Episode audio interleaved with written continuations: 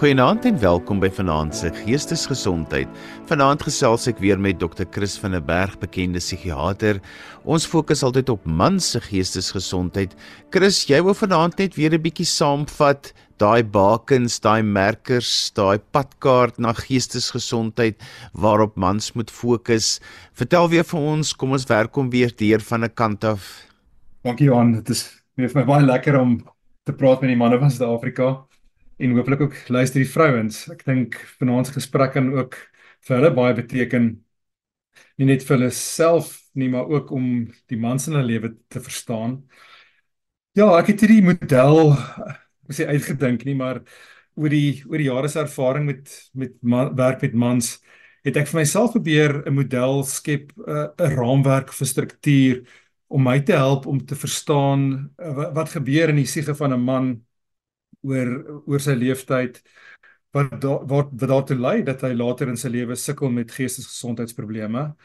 So 'n bietjie van 'n padkaart of 'n kom ek noem dit amper meer bewegings of oomblikke in die op die pad van sielkundige ontwikkeling by 'n man. So ek het vir my eie onthaalwe dit so opgebreek in sewe bewegings in die op, op hierdie pad of 'n journey wat 'n man stap met sy geestes en emosionele gesondheid. Jesus, ek gaan ek gaan vir ons deur die sewe bewegings praat en wat ek dan gaan doen is om eintlik maar 'n geval te vat en dit is natuurlik nou 'n fiktiewe geval. En in die hand van hierdie hierdie persoon se stories, sy naam is natuurlik Adam, gaan ek probeer om hierdie model van toepassing te maak op hierdie persoon se lewe om vir die luisteraars 'n idee te gee um met hoe hierdie hierdie model of hierdie oomblikke of hierdie bewegings op hierdie padkaart in werklike lewe lyk. So die eerste stap in hierdie op hierdie pad eh, sê ons vir mekaar dat ons kom in hierdie wêreld in eintlik as heel mense, geïntegreerde mense. Ons is goed gemaak en ons is gebore met 'n klomp kapasiteit en vaardighede en talente. So dit was eintlik goed en dit is ook so gesê aan die begin hè en dit was goed geweest. So ehm um, ons kom eintlik in 'n heel geïntegreerde toestand in hierdie wêreld in. Alhoewel ons wel baie kwesbaar en naïef en baie afhanklik is van die wêreld rondom ons. En is dalk juis oor hierdie afhanklikheid en naïwiteit en kwesbaarheid wat maak dit ons dan nou ook die na die volgende stap toe gaan waar ons op een of ander stadium in ons lewe verwond word. Ons kry seer. En dit gebeur eintlik maar van jongs af en nie net eenmalig nie. Vir alle mense is daar 'n ervaring of ervarings in 'n lewe waar hulle werklik seer kry in hulle heelheid. En hulle besef dat jog die lewe is nie so perfek of ideaal of veilig soos ek gedink het nie. En hierdie is natuurlik vir meeste mense voor hulle nog verstand gekry het so nie as hulle iets hiervan kon onthou nie. Maar ongelukkig ehm um, word hierdie geheue vasgelê in die kind dat ehm um, daar slegte goed met hom gebeur het. En ja, ons sê life happens. So ehm um, wat baie verskillende maniere kan hierdie verwonding plaasvind van baie ooglopende maniere van mishandeling deur tot baie meer subtiele vorms van afwesigheid, emosionele afwesigheid of emosionele verwaarlosing wat 'n kind kan beleef wat ook 'n vorm van seer kry of trauma is. Die verwonding gebeur in die konteks van van waar waar die kind gebore is. So hy word gebore met in 'n sekere era van die van die geskiedenis van die wêreld in 'n sekere land en 'n sekere dorp. Hy word gebore aan ouers met sekere persoonlikhede en ouerskapstyle. Hy word as deel van 'n gesin gebore of enkel kind. Hy word dalk aangeneem So al hierdie is konteks wat eintlik maar die die die oorsprong is van van waaruit hierdie persoon dan nou groot word en waar hy sy lewenservarings van dit opdoen. En dan gebeur daar natuurlik in elke mens se lewe goed wat wat hartseer is of wat seer is of wat nie ideaal is nie. En die kind wat in sy baie jong staat eintlik heel egosentries is en dink dat alles wat in die wêreld gebeur het met hom te doen. Laat toe dat hierdie slegte gebeure in in sy lewe baie persoonlik raak. So ouers wat konflik het of 'n pa wat afwesig is word baie keer getrek na die kind toe waar waar die kind vir homself dink en sê maar is my, wat het dit met my te doen en wat het ek gedoen om dit te verdien of um, ek is dalk die oorsaak hiervan. Dit is natuurlik heeltemal irrasioneel vir die kind om so te dink, maar omdat die kind nog nie kan verstaan dat dit eintlik nie sy fout is of sy probleem is nie, ehm um, maak hy dit van hom oor homself en begin hy later allerlei verkeerde boodskappe oor homself internaliseer, aanvaar dat daar is dalk fout met hom. En dan begin ontstaan die groot vraagtekens van is ek goed genoeg? Kan ek liefgehê word? Gaan ek my plek verdien in die lewe? Um, behoort ek eers? So daar daar's 'n klomp ons het ons het al gepraat oor die die die bose kringloop van skande en en en en shame en vrees wat ontstaan en en, en dit dat weer eens gebeur van 'n jong ouderdom af waar 'n kind nie woorde het om dit te kan verstaan of te kan sê nie en so ontstaan die die die patroon by 'n kind self internaliseer en glo wat baie seer maak Ehm um, en dit vat ons na die derde beweging toe waar waar die kind homself dan nou moet beskerm teen verdere seer kry.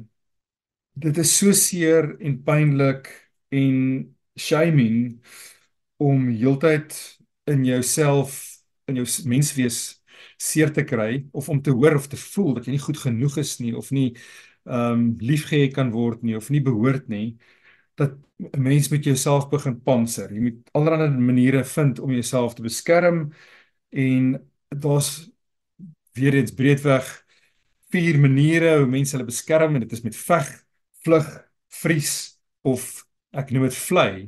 In Engels gebruik hulle die woord fawn. Dit is om eintlik maar toe te gee en 'n people pleaser te raak en vir mense te gee wat hulle wil hê.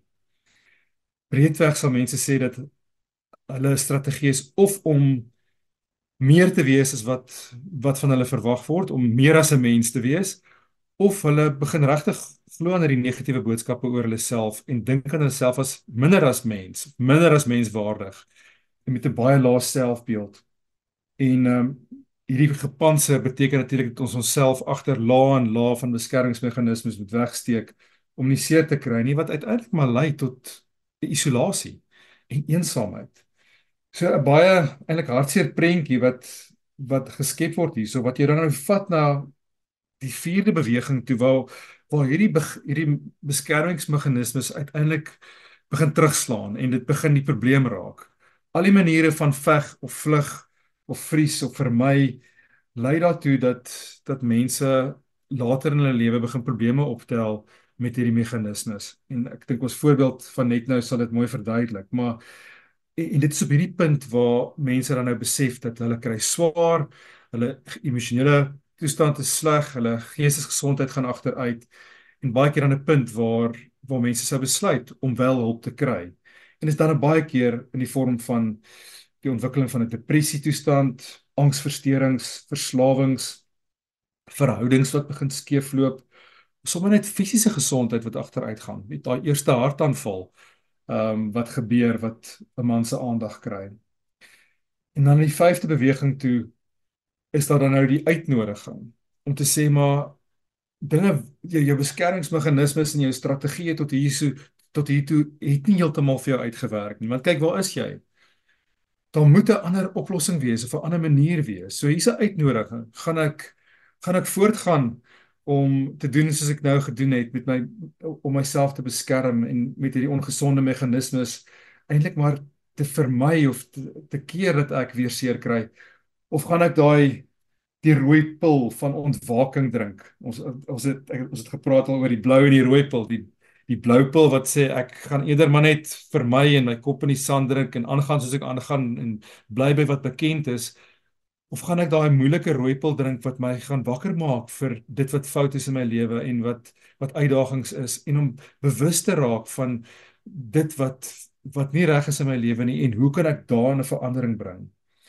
So as daai uitnodiging jou vat na ek's bereid om die rooipel te drink en te werk aan myself en uh weet 'n beter lewe te lei, dan vat dit ons na die volgende beweging toe hier by die 6ste punt waar ons sê maar hier's nou nodig om so 'n bietjie van 'n wit vlag op te steek en te sê ek is bereid om myself in die gesig te staar en om eerlik te raak met myself.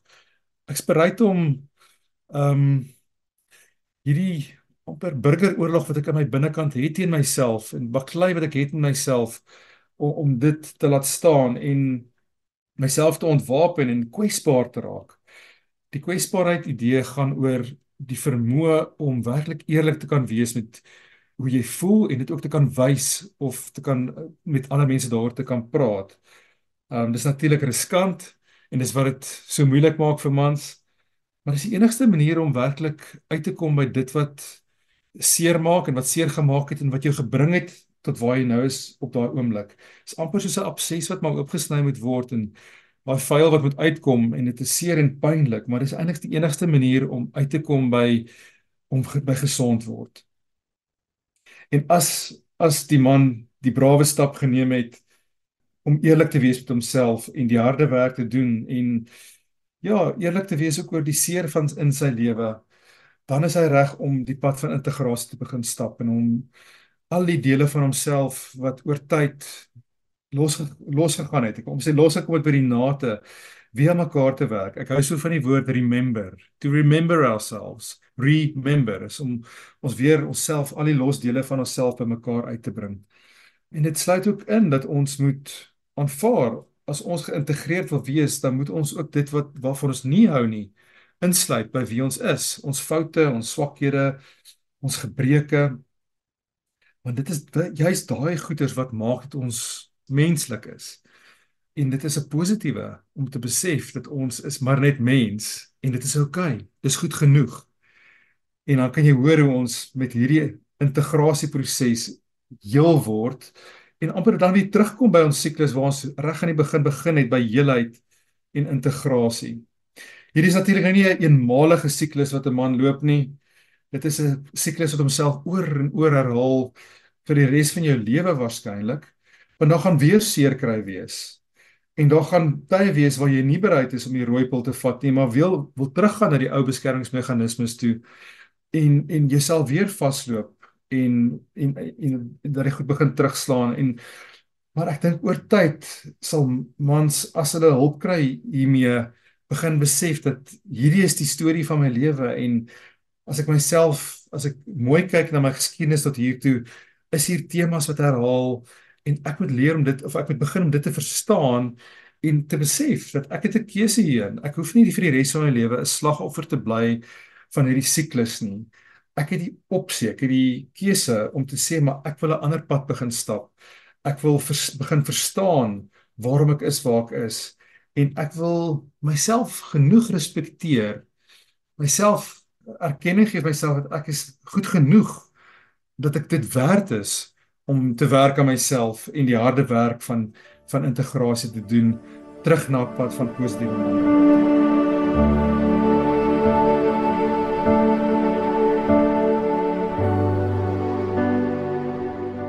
Chris, jy sê jy wil vir ons die storie van Adam vertel in die konteks van hierdie sewe bewegings ek dink Adam se storie gaan dalk net help om hierdie stuk teorie wat ek net probeer verduidelik het net meer prakties te maak. So dis 'n fiktiewe geval, maar ja, dit is 'n geval wat ek eintlik al baie in my lewe gesien het.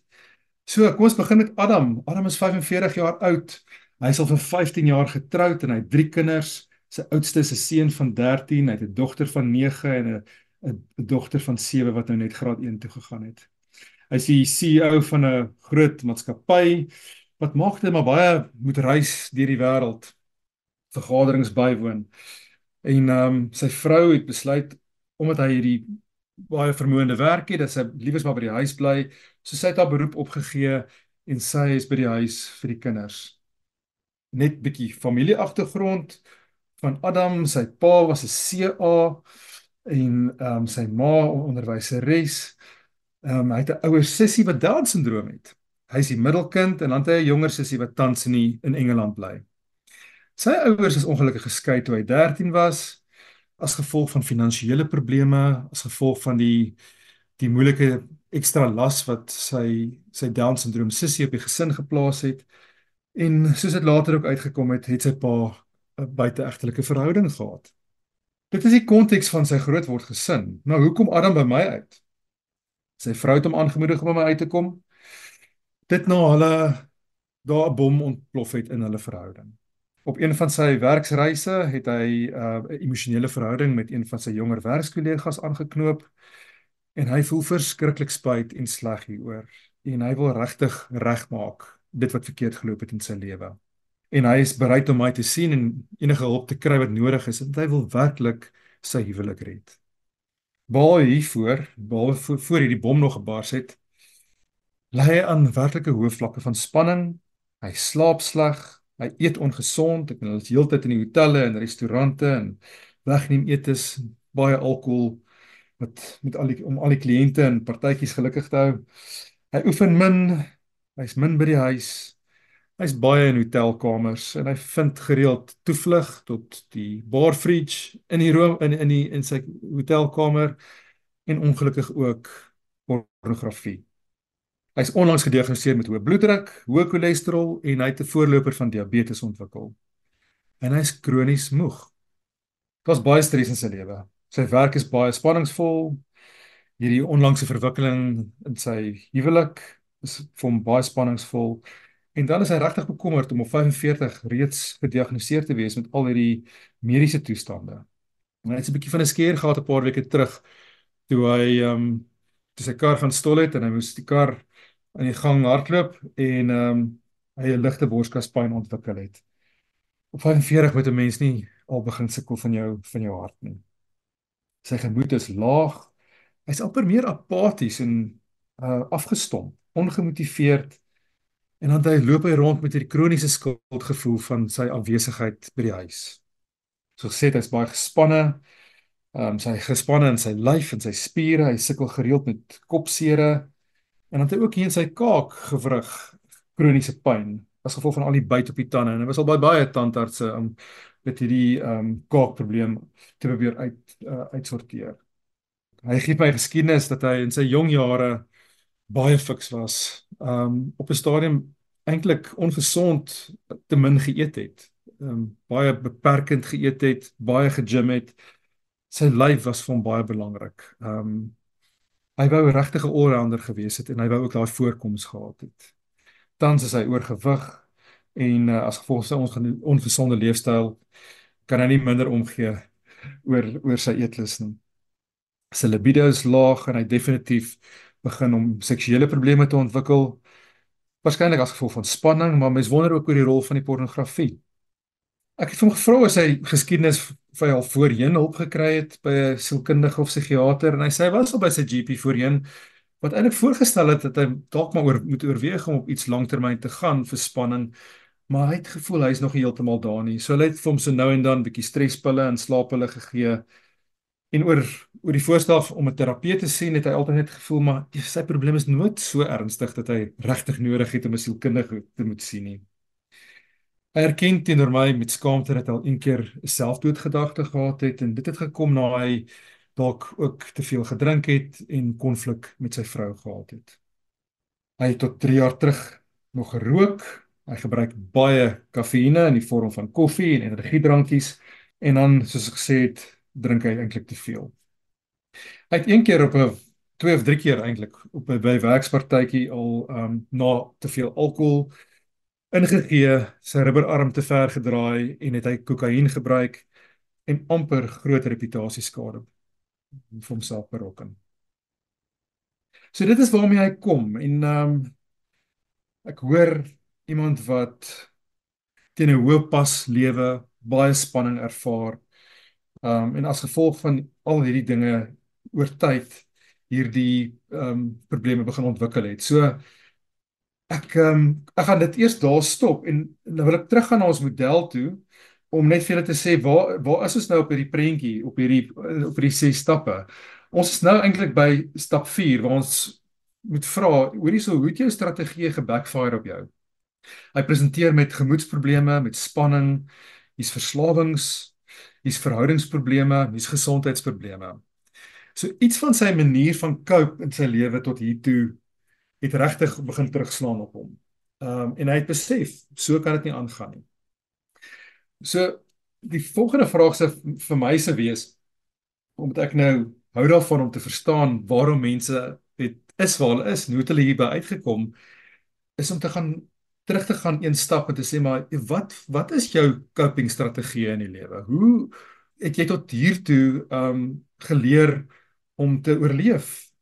En en, en in sy geval kan julle al almal hoor hy moes uh, hy het geleer om teen hierdie hoë spoed te lewe om regtig 'n sukses van sy lewe te maak. Hy sê vir my hy's 'n bietjie van 'n tipe A persoonlikheid, 'n perfeksionis. Hy is hy leef gewoonlik hoogs gereguleerd, gedissiplineerd. Hy's baie verantwoordelik, maar baie gedrewe. Hy hy's hy's hoog in, in in ambisie en hy wil tog net nie teleurstel. Wat beteken dat as ons kyk na al hierdie hierdie die hoof vier maniere van van uh, beskermingsmeganismes is hy waarskynlik baie hoog in die veg ehm um, reaksie. Wat beteken dat hy hy veg vir om voor te kom in die lewe en um naam vir homself te maak en om verantwoordelik te wees en suksesvol te wees. En dit vat enorme moeite en baie energie om hierdie stryd voort te sit.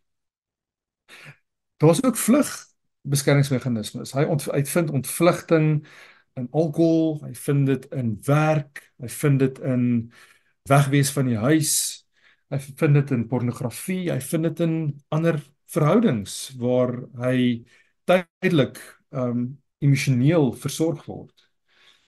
En dan is daar ook definitief die die die vlei kom ek kom ek hou mense gelukkig. Kom ek doen wat van my verwag word. Al die direkteure van al die maatskappye waarop waarop ek dien, ek moet hulle gelukkig hou, ek moet goeie resultate lewer. So dit sit vir Adam in hierdie posisie waar hy werklik meer en meer van homself moet gee minder tyd het om af te staan aan dit wat nodig is vir hom om kapasiteit te bou wat hom tot uit nou uiteindelik op hierdie punt van uitbranding depressie en angs gebring het. My volgende vraag sou nou weer 'n stapie terug wees. OK, so wat het gemaak Adam dat jy hierdie beskermingsmeganismes moes begin aanwend?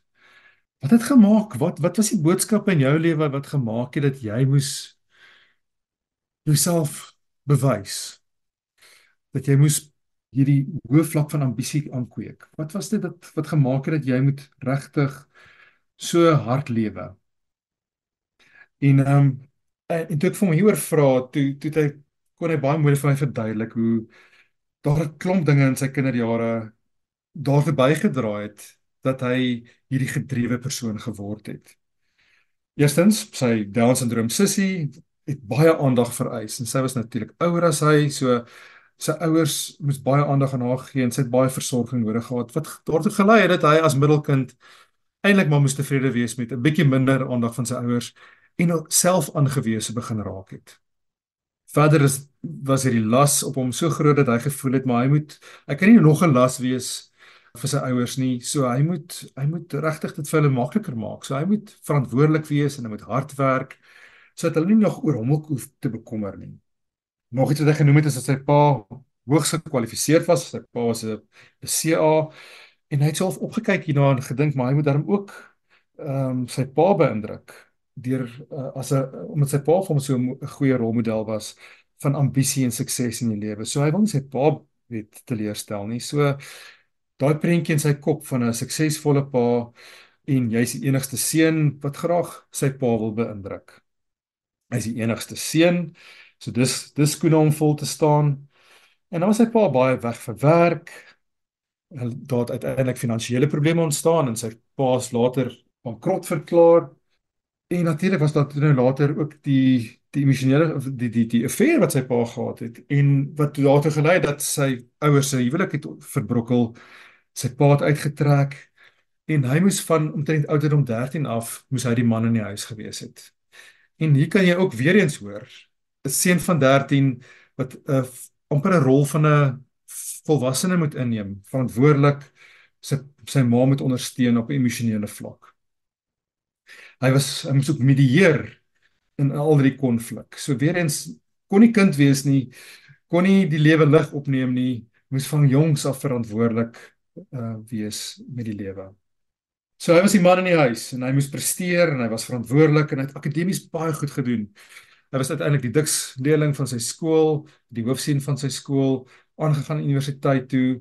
Uh en hy het, hy het baie goed presteer en eintlik met vleiende vaandels um in die die korporatiewe leer geklim en 'n CEO geword op 'n baie jong ouderdom. So ek dink die die die die die vraag oor verwonding het gekom hier's 'n klomp verwonding, hier's 'n emosionele afwesigheid by tye. Daar's onbillike verwagtinge op 'n kind om soos 'n groot mens op te tree en verantwoordelikhede aan te neem. Daar's konflik tussen ouers wat 'n kind nie altyd verstaan nie en wat 'n kind baie keer aanvaar het met hom te doen. Met ander woorde, ek moes dit keer of ek moes my ouers bymekaar hou. My pogings was onsuksesvol, my ma's ongelukkig. Ek kan haar nie gelukkig maak nie. Dit alles laat my voel maar ek is nie goed genoeg nie. So die die groeiende gevoel van ontoereikendheid. Ek is nie wat ek moet wees nie en ek voldoen nie aan die standaarde nie. En daar begin die groot vraagtekens van uh, van identiteit. En mans sukkel baie keer met uh kwessies rondom fisiese voorkoms, aantreklikheid, intelligensie. As ek powerful, het ek is ek het ek invloed, het ek invloed, het ek ehm um, kan ek het ek effek op my omgewing? Kan ek selfvertroue hê? Is ek braaf genoeg vir die lewe? Is ek suksesvol genoeg? Is ek minnaar genoeg? Is ek pa genoeg? So al daai gevoelens van ontoereikendheid wat van jongs af kan posvat wat kan maak dat 'n mens dan nou en dan nou vat ons die nou begin ons weer vorentoe beweeg met 'n kringloop. Hierdie seer van is ek goed genoeg ontoereikendheid wat maak dat ek my my strategie in plek moet kry sodat ek myself kan begin bewys my plek kan vol staan my plek eintlik maar kan verdien in die lewe vinniger en vinniger, meer en meer ten koste van myself wat later in my lewe terugslaan en op 45 sit ek met my probleme.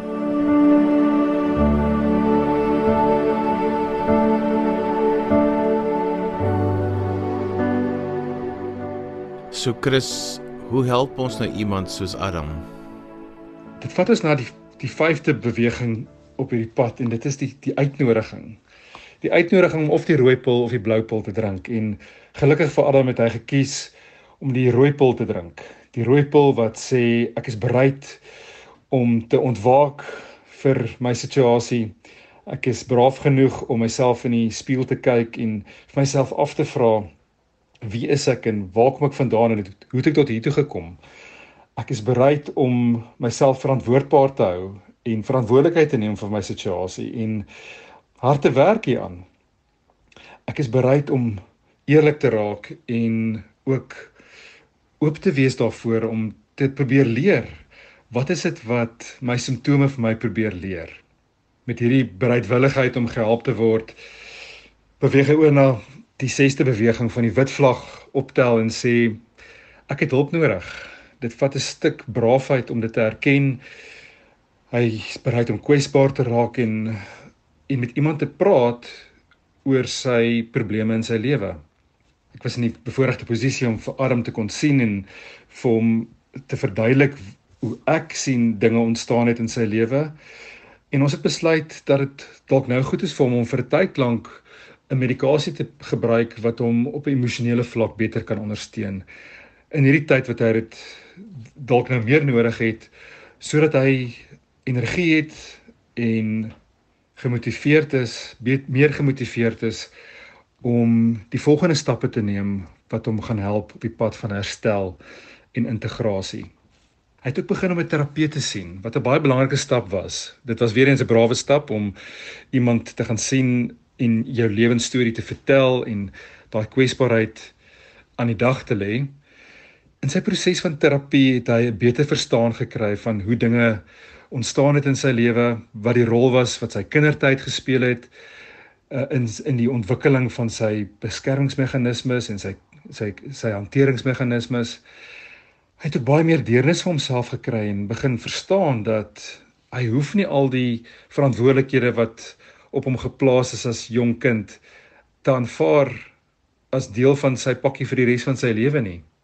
Hy het geleer dat die kind het eintlik heeltemal te veel verantwoordelikheid aanvaar op 'n jong ouderdom wat gemaak het dat hy eintlik nie vir 'n baie lang tyd kind was nie en dat hy met hierdie swaar las van verantwoordelikheid homself dit nooit toegelaat het om bietjie ligter te lewe en die lewe meer te geniet nie. Hy het geleer dat dit heeltemal oukei okay is vir hom om so 'n bietjie te laat gaan van sy ambisie en gedrewenheid, sy perfeksionisme en om so 'n bietjie meer buigsaam te word, so 'n bietjie meer spelerig te raak, meer van te hê in die lewe en om homself bietjie minder ernstig op te neem. Nog 'n belangrike stap van kwesbaarheid wat hy geneem het was om 'n vriend in vertroue te neem en te sê, kan ons een keer 'n maand by mekaar kom en 'n koffie drink en sommer net met mekaar deel wat in ons binnewêrelde aan die gang is. En ehm um, dit was vir my 'n baie belangrike stap om 'n vriend, 'n vertroueling te maak sodat hy uit sy isolasie kon kom en met 'n ander man kon gesels oor die dinge waarmee mans sukkel. En Adam was nou gereed om verder te gaan en na die volgende beweging en die laaste stap van integrasie En integrasie beteken maar net dat ons op 'n holistiese manier al die aspekte van menswees bymekaar probeer uitbring. En om dit in Adam se situasie te stel het hy uit beter na homself te begin kyk op 'n fisiese vlak. Hy het begin oefen, hy het gewig begin verloor, sy bloeddruk het herstel, sy cholesterol vlakke het afgekom, hy het gesond begin eet, hy het minder alkohol begin gebruik, hy het beter begin slaap en hy het oor die algemeen net emosioneel beter begin voel omdat hy fisies beter begin voel het. Hy het ook besluit hy wil meer moeite doen met sy ehm um, sy psigiese toestand en amper sy verhouding met homself. Hy het in 'n gewoonte gekom op 'n gereelde basis te mediteer vir 10-20 minute per dag en om so nou en dan joernaal te hou van dit wat in sy lewe gebeur en wat in sy binnewêreld ook gebeur. Hy besef dat hy iets gaan moet doen om die nuwe gewaarwording wat hy meer moet speel en meer spontaan moet wees in die lewe om dit lyf te gee en hy het hy het 'n stokperdjie begin, het begin houtsneewerk doen en hy het 'n boekklub begin vir vir sy manspelle en dit was vir hom sommer net 'n 'n lekker ligte alternatief wat meer balans gebring het aan die meer ernstige kant van sy werkslewe. Wat baie lekker was om te hoor na 'n paar maande was om te hoor hoe die verhoudings in sy lewe verbeter het sy verhouding met sy vrou het baie verbeter en hulle het besef dat as hulle nie moeite doen met hulle verhouding nie, gaan hulle noodgedwonge uit mekaar uit dryf, ehm um, emosioneel kontak verloor met mekaar. So het besluit, hulle gaan 'n gewoonte daarvan maak om elke 2-3 weke 'n date night te hou om net met mekaar in te check en by mekaar uit te kom en op 'n emosionele vlak met mekaar in verbinding te bly. En dan het hierdie gel meer gelukkige rustiger Adam ook dit na sy werk toe geneem en omdat hy die CEO van sy maatskappy is kon hy as leier hiervan ook besluit dat hy wil iets skuif rondom die kultuur uh, in die werksplek. In die toekoms sou meer vergaderings aanlyn gebeur, minder reis, minder weg van die huis af wat baie meer gesinsvriendelik is. En dan in plaas van 'n bier drink na werk een keer 'n maand, het hy het sy kollegas uitgedaag om op 'n Saterdagoggend saam met hom 'n paar rand te gaan hardloop en 'n lekker ontbyt te gaan eet na die tyd. Die moraal in die kantoor, in die werkskultuur het baie vinnig die verandering in Adam opgetel. So wat het die verskil gemaak vir Adam? En daarmee wil ek hoop gee vir alle mans is dat daar regtig hoop is dat dinge kan verander en kan skuif.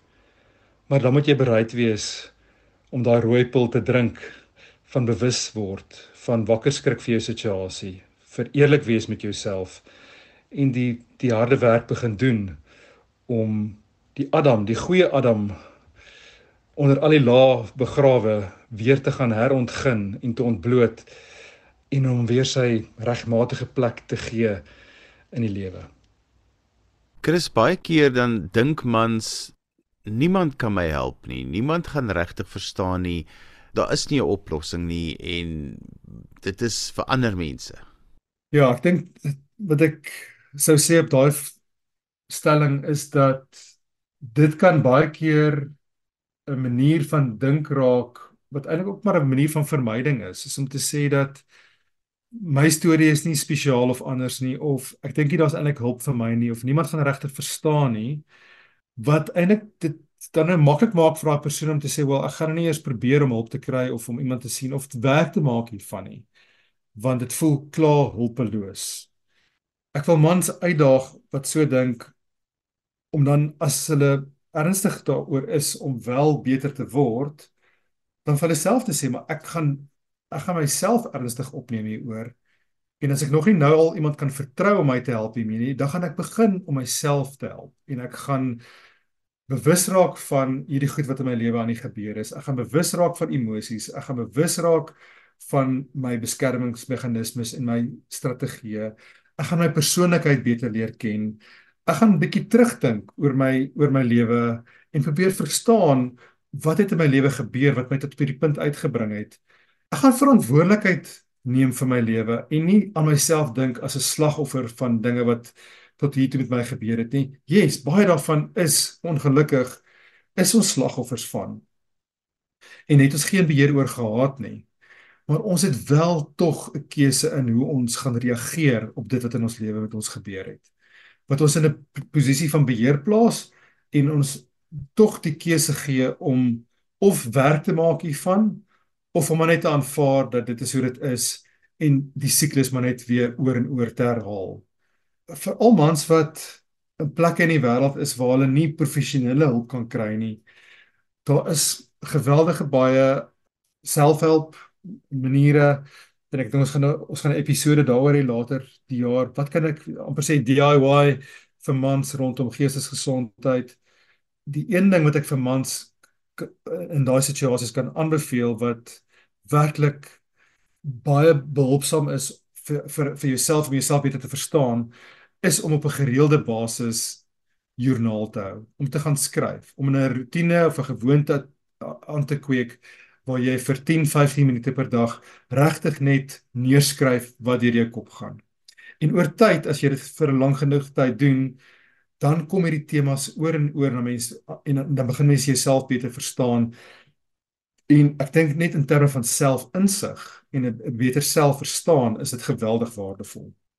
Chris, een van die interessante gesprekke wat ons al gehad het is wat jy verwys het na daai oorlewingsmeganismes en strategieë en hoe dit dalk later in jou lewe 'n las kan raak. Ja, ons het ehm um, in daai gesprek verlede jaar het ons gepraat het oor die beskermingsmeganismes het ek ook na verwys na die rol wat ons persoonlikheidsstruktuur uh, speel. Ek het 'n baie ek, ek, ek verstaan persoonlikheid as 'n komplekse vorming van wie jy is as mens oor tyd. En 'n mens word gebore met 'n sekere temperament wat geneties vasgelê is waarmee jy gebore word en dan gebeur die lewe en ons ervarings wat eintlik wat beteken dit dat dat dit lei tot 'n sekere vorm van karakterbou En daai kombinasie van temperament en karakter lei uiteindelik tot 'n vaste patroon hier in jou laat tienerjare, vroeë volwasse jare as persoonlikheid. En ons elkeen se persoonlikheid is ook 'n maar 'n manier hoe ons aangepas het om te kan cope met dit wat op ons bord is en uh ons ons te help om te oorleef dit wat in ons lewe in ons jong lewe gebeur het. So as ek net na Adam kyk, sy persoonlikheid is waarskynlik een van 'n weet tipe A persoonlikheid gedrewe, ambisieuse, perfeksionistiese, rigiede persoonlikheid en dit maak daai persoonlikheidseienskappe van maak dat hy het baie emosionele energie om hard te werk, verantwoordelik te wees, baie van homself te gee wat hom in die posisie plaas van meer verantwoordelikheid en meer verantwoordelikheid wat hom weer verder in die posisie plaas van meer spanning en stres. Um en verantwoordelikhede wat nagekom moet word en verwagtinge waarna hy moet voldoen. En sy persoonlikheidsstruktuur maak dat hy vinniger en vinniger lewe meer en meer uitgebrand raak en 'n hoër risiko staan om dan nou daai terugslaan ervaring te hê en simptome soos angs en depressie te ontwikkel. So kan mens al die verskillende persoonlikheidstipes ook vat en sê maar elkeen van hulle se manier het 'n donker kant. Ehm um, natuurlik is baie van jou persoonlikheid is baie positief en help jou om effektief te lewe en is is gesond en is belangrik, maar 'n groot deel daarvan as dit te ver gedryf word, uh raak ongesond en lei dan uiteindelik tot tot die die die geestesgesondheidsprobleme waarvan ons gepraat het. Chris, ons het gekom aan die einde van vanaand se program, so kom ons som op. Wat sê ons vanaand vir die luisteraars? Ek het maar probeer vanaand om met die mense te deel dat ek op hierdie manier dink oor 'n mens se emosionele psigiese gesondheid. Um dit help my om hierdie bewegings in die ontwikkeling van 'n persoon se psigie te verstaan sodat 'n mens as 'n mens sukkel met 'n geestesgesondheidsprobleem dit nie net kan uh, net nie die boksies kan tik en 'n diagnose kan maak en sê okay hiersoos hier's die pilletjie en hier's die ehm um, die behandeling wat vir jou gaan werk nie. Maar dis om werklik die die oorspronge en die wortels en die uh te probeer verstaan van jou probleem en dit help so baie om insig te kry in waarom jy is in jou lewe waar jy nou is. Hoe dit gekom dat jy is waar jy nou is sodat 'n mens kan besef dat daar is opsies, daar's alternatiewe, daar's 'n keuse om uit te oefen om te sê maar ek wil 'n ander lewe lewe. Ek wil 'n beter lewe lewe sodat ek myself nie konstant vasloop in hierdie ongesonde beskermingsstrategieë en meganismes nie sodat ek weer 'n lewe kan leef van vryheid waar ek geïntegreerd kan lewe, waar ek kan voel ek is mens, heelhartig mens met my gebreke, met my ja, foute. Dit is mense soos dit, geïntegreerde, gewone mense, mense wat lewens kan lewe waar hulle gemoed goed is, waar hulle verhoudings goed is en waar hulle ek dink na die wêreld toe kan bring dit wat hulle veronderstel is om na die wêreld te bring. Waar hulle kan opdaag op so 'n manier uh waar die wêreld hulle werklik nodig het. Ek glo van elke man, elke Adam wat op hierdie aarde loop, moet hy wees met sy spesifieke persoonlikheid en sy vaardighede en passies um en gawes. Dit is so uniek tot elke persoon en die wêreld het dit nodig. En mans wat nie optimaal emosioneel uh funksioneer nie en wat nie mooi kyk na hulle gesondheid nie, ons sê doen 'n bietjie die wêreld in.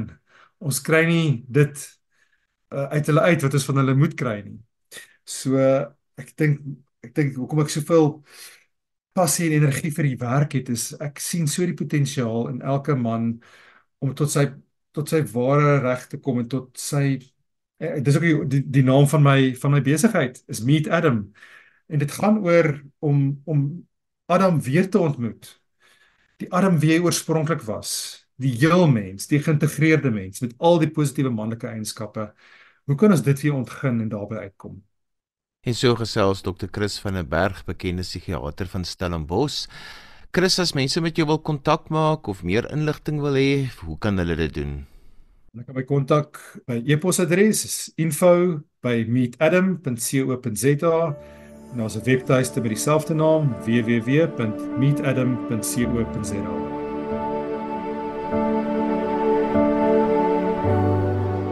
En daarmee is gekom aan die einde van vanaand se geestesgesondheid.